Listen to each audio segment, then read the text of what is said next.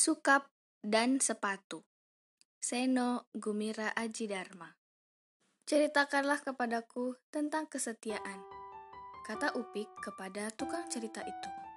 Maka tukang cerita itu pun bercerita tentang sepatu.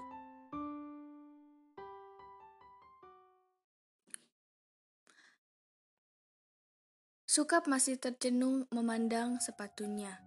Ia seperti memikirkan sesuatu. Lana seolah bisa membaca pikirannya. Dijahit saja, soalnya diganti, lantas disemir lagi.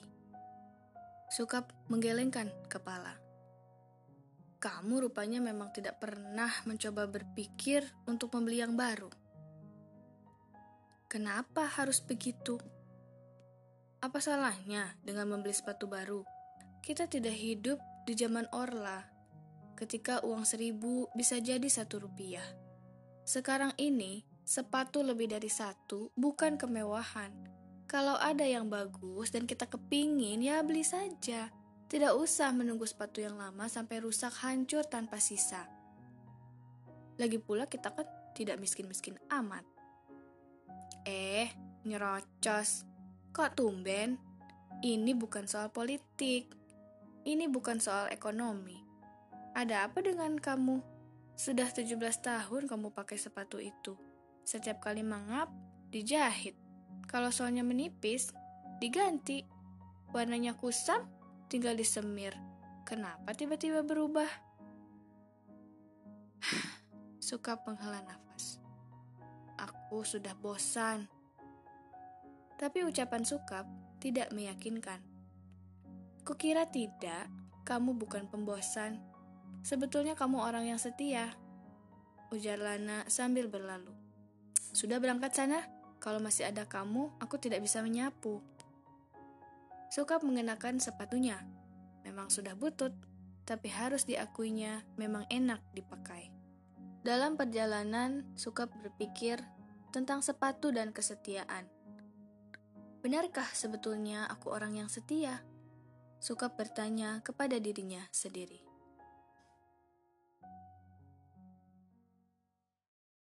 Loh, masih dipakai?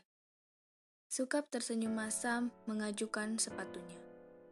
Masih enak dipakai, katanya. Dua, Maya membanting pintu. Kamu jangan pernah masuk rumah ini selama sepatu itu belum diganti teriak Maya dari dalam. Sudah berapa kali aku minta sepatu jelek itu dibuang? Aku jijik sama kamu. Pergi. Suka menyenderkan keningnya di pintu. Terpandang lagi sepatunya yang butut. Mampus batinnya. Mampus. Sebelum masuk kantor, Sukap meninggalkan sepatunya di tukang sol sepatu di seberang jalan. Ia berjalan sepanjang koridor sambil menenteng kaos kaki. Orang-orang melihatnya berjalan tanpa sepatu. Gadis-gadis tersenyum, pakai dasi tapi kaki cakar ayam. Tapi Sukam tampaknya tidak peduli. Ia bekerja sepanjang hari tanpa sepatu. Menjelang senja, seseorang mengetuk pintu ruangannya. Pak, ada tamu. Ternyata Maya datang membawa sepatu baru. Sukap terharu Maya memang betul-betul memperhatikannya.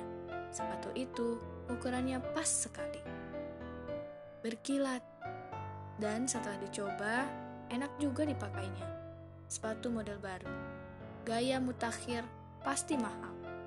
Tapi, suka merasa dirinya menjadi orang lain mengenakan sepatu itu.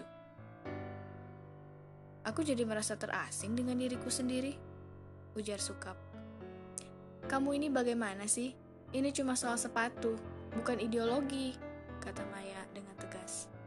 Mulai sekarang kamu pakai sepatu ini. Mana yang lama? Sokap mengangkat bahu.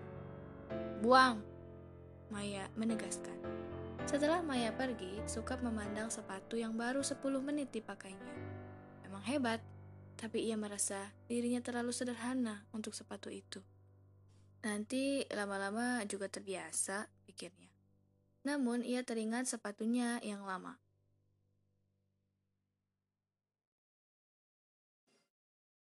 Sebelum pulang ke rumah, Sukap mampir ke tempat Muntu. Ia menitipkan sepatunya yang baru, lantas mengenakan kembali sepatunya yang lama.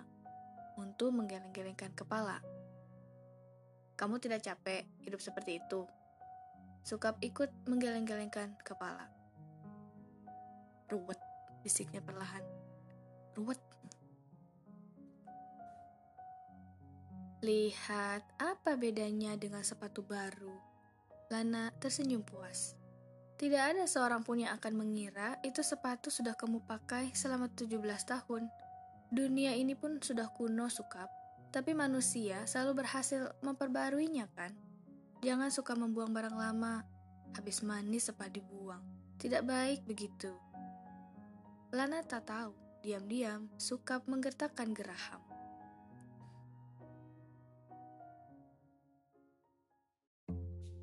Malam pun lengkap, semua orang tertidur. Itulah saat benda-benda mati berbicara. Kamu tahu apa yang dialami Sukap? Tanya sepatu lama kiri. Entahlah, setahuku dia sekarang lebih sering ganti kos kaki. Jawab sepatu lama kanan. Nah itu masalahnya, kaos kaki itu semuanya dari Maya. Apa hubungannya dengan kita? Maya itulah yang menggantikan kita dengan sepatu baru. Padahal sudah 17 tahun kita bekerja penuh pengabdian, tanpa sukap sendiri keberatan. Gara-gara Maya itulah sukap menukar sepatu di rumah Muntu.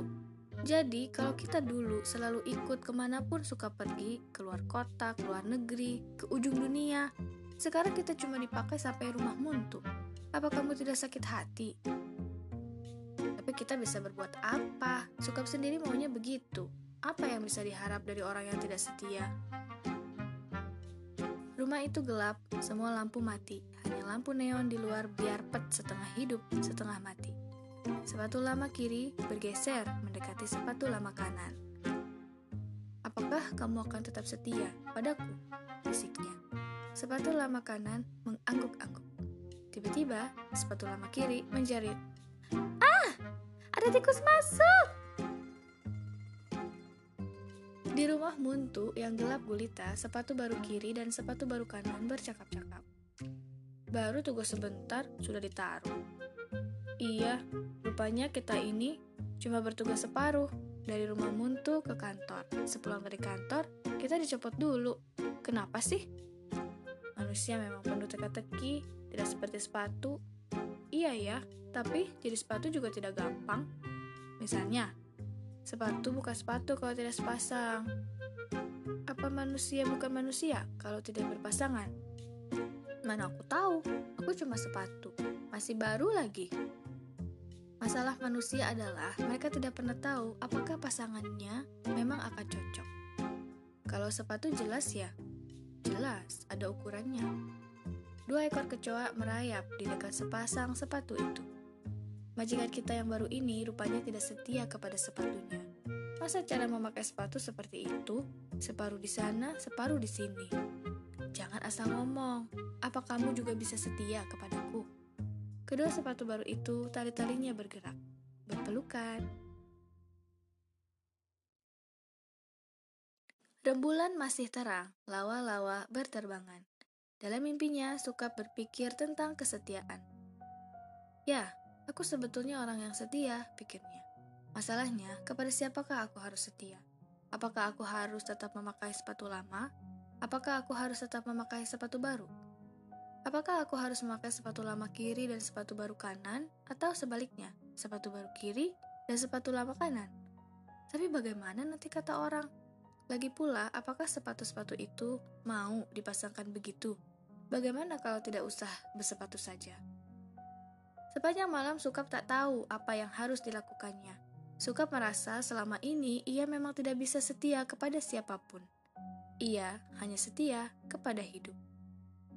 Cahaya fajar menerobos jalusi. Begitu bangun, Sukap sudah mengambil keputusan. Keputusannya apa? Tanya Upik kepada tukang cerita itu. Loh, kamu kan sudah tahu, Jawab tukang cerita itu yang segera berkemas siap meneruskan perjalanan. Sama tinggal Upik, katanya.